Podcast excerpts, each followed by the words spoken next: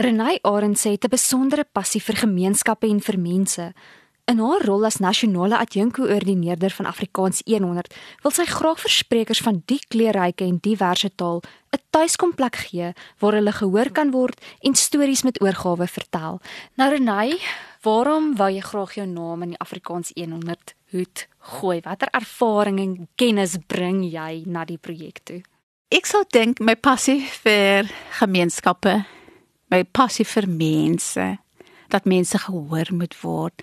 My passie vir mense se stories wat vertel moet word. En natuurlik ook die geskiedenis en die wortels van Afrikaans. Dat tot op die kinders in die Cape Flats en die Kaapse vlakte kan weet dat hulle magroetjies deel was van die wortels van Afrikaans dat die Bo-Kaap so sterk sterk invloed het op waar alles begin het dat die Khoisan al daai wortels so bymekaar gebring is vir hierdie wonderlike taal wat ons vandag kan geniet as 'n wetenskapstaal, as 'n universiteitstaal, maar ook 'n huistaal. Dit is 'n taal wat gepraat word met al sy dialekte, met geure en kleure wat skrik vir niks, nê? Nee? En ek dink my passie vir dit dat hy soveel kleurige en diverse taal is en dat elkeen 'n plekkie het om te vier in die Afrikaans amptelik 100 jaar maak vir my baie passievol oor hierdie projek die viering wat plaasvind is die amptelike erkenning van Afrikaans as landstaal. Dit is die 100 jaar, maar Afrikaans het al voor dit bestaan. Dis nou net daai mylpaal spesifiek wat Absoluut. Word. En dit is 'n baie belangrike aspek van die projek en van hierdie hele veldtog is dat met die veldtog sê ons nie dat Afrikaans 100 jaar oud is nie. Maar dit is 'n spesifieke mylpaal binne die leeftyd van Afrikaans. Afrikaans het in die 1500s al het hulle begin praat en met die slawe en die die Nederlanders en die hele pragtige geskiedenis wat daarmee saamkom, vier ons nou hierdie baken van 'n 100 jaar. So dit is 'n baie belangrike aspek wat jy nou noem. En wat is jou visie vir die veldtog? Het jy bepaalde doelwitte wat jy graag sal wil bereik, wat jy graag sal wil dryf? Een van die punte wat ek graag sal wil dryf, is dat dit 'n inklusiewe viering is, dat elkeen sy plekkie binne hierdie viering kan sien, kan voel en ook nog belangriker dat elkeen kan besef dat ons staan nou met die pen in die hand vir die volgende 100 jaar. Ons gaan nie hier wees na 'n volgende 100 jaar nie maar hoe wil ons onthou word? Hoe wil my organisasie onthou word in die boeke? Is amper soos 'n nuwe geskiedenis wat ons nou besig is om te skryf vir Afrikaans. En dit is 'n besonderse voorreg dat ons elkeen kan nou besluit in watter rigting wil ons gaan. Want is 'n renessans. Dis 'n absolute renessans want nou is jy bemag met soveel meer kennis. Ons kan vernuwing bring. Ons kan verandering bring. En dis hoekom elkeen moet deelneem in hierdie projek. Nou Renay, die taalgemeenskap is in sekere opsigte geweldig gepolariseer wanneer dit by die geskiedenis en die voortbestaan van die taal kom. Sommige mense hou steeds vas aan dinge van die verlede en ander voel weer sterk daaroor dat taaldiversiteit bevorder moet word. Hoe beplan jy om hierdie verskillende stemme en sprekers van die taal te herenig vir die EOFeesviering? Waar dink jy lê die middeweg? Dit is belangrik om te besef dat die geskiedenis het gebeur.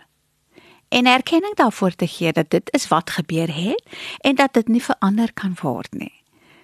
En hulle sê mos gewoonlik dat 10% is is wat omstandighede wat jy nie kan beheer nie en dan die 90% is jou keuse oor hoe sal ons vorentoe beweeg. En ek dink daar lê ons mag.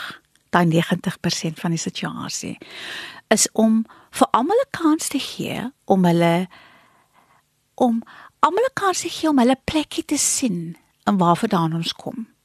En die, die regtelike plekkie vir hulle te gee. Ons almal moet dit besef, né? Nee? Maar dan om te sê, hoe wil ons voortgaan hiermee? Hoe sal ons graag wil sien hoe die taal nou eenheid gaan bring? En ek moet vir jou sê die gesprekke wat ons nou reeds gehad het, ons is nou 5 4 5 weke um, in hierdie amp en in hierdie posisie.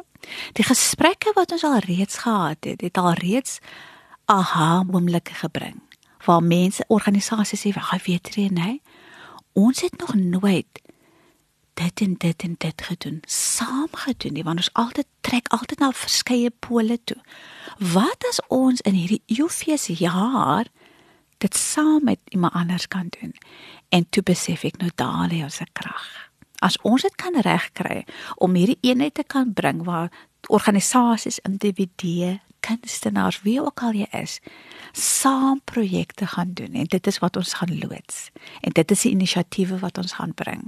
So as ons dan nou aan die einde van hierdie projek kan kom en ons het hierdie universele doel bereik waar ons hierdie laslappies kombers al se punte saam kon gebring het en hierdie pragtige laslappie kombers kan aankyk en sê nou kyk nou daar wat het ons in hierdie jaar reg gekry dit beteken so sal ons kan voortgaan en dit is deel van ons logo wat gaan sê en so voort.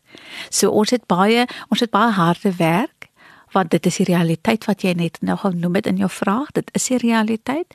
En ons hoofdoel is om te sien hoe gaan ons saam eenheid kan bring om projekte saam aan te pak universele doel bereik van hoe gaan ons die skrywe van die volgende 100 jaar aanpak Hoe sal jy graag wil sien dat die Afrikaanse taalgemeenskap by Afrikaans 100 betrokke raak en die taal vier? Kan jy dalk 'n paar voorbeelde gee of projekte wat jy dink wat miskien so iets sal kan bewerkstellig? Daar gaan baie opwindende geleenthede wees. Dit gaan eintlik fantasties wees as ons gaan sien hoe al hierdie legkaartstukke bymekaar gaan pas.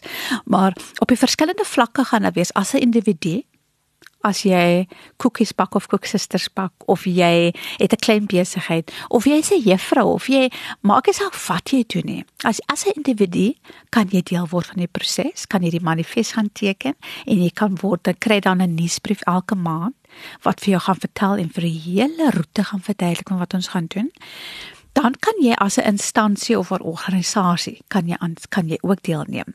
As jy dan die manifest teken, kry jy die logo wat jy kan gebruik op jou inisiatiewe en dan as 'n skool kan jy dit gebruik. So alle groot organisasies, instansies, besighede, ons wil duisende der duisende mense kry en hê wat saam hierdie viering met ons gaan doen. Nou op 'n praktiese manier hoe dit gedoen gaan word. Daar gaan verskeie mylpale wees. So ons gaan die 'n loodsing dag hê, die spesifieke datum het ons gesê luister, hier gaan die uitdaging nou uit.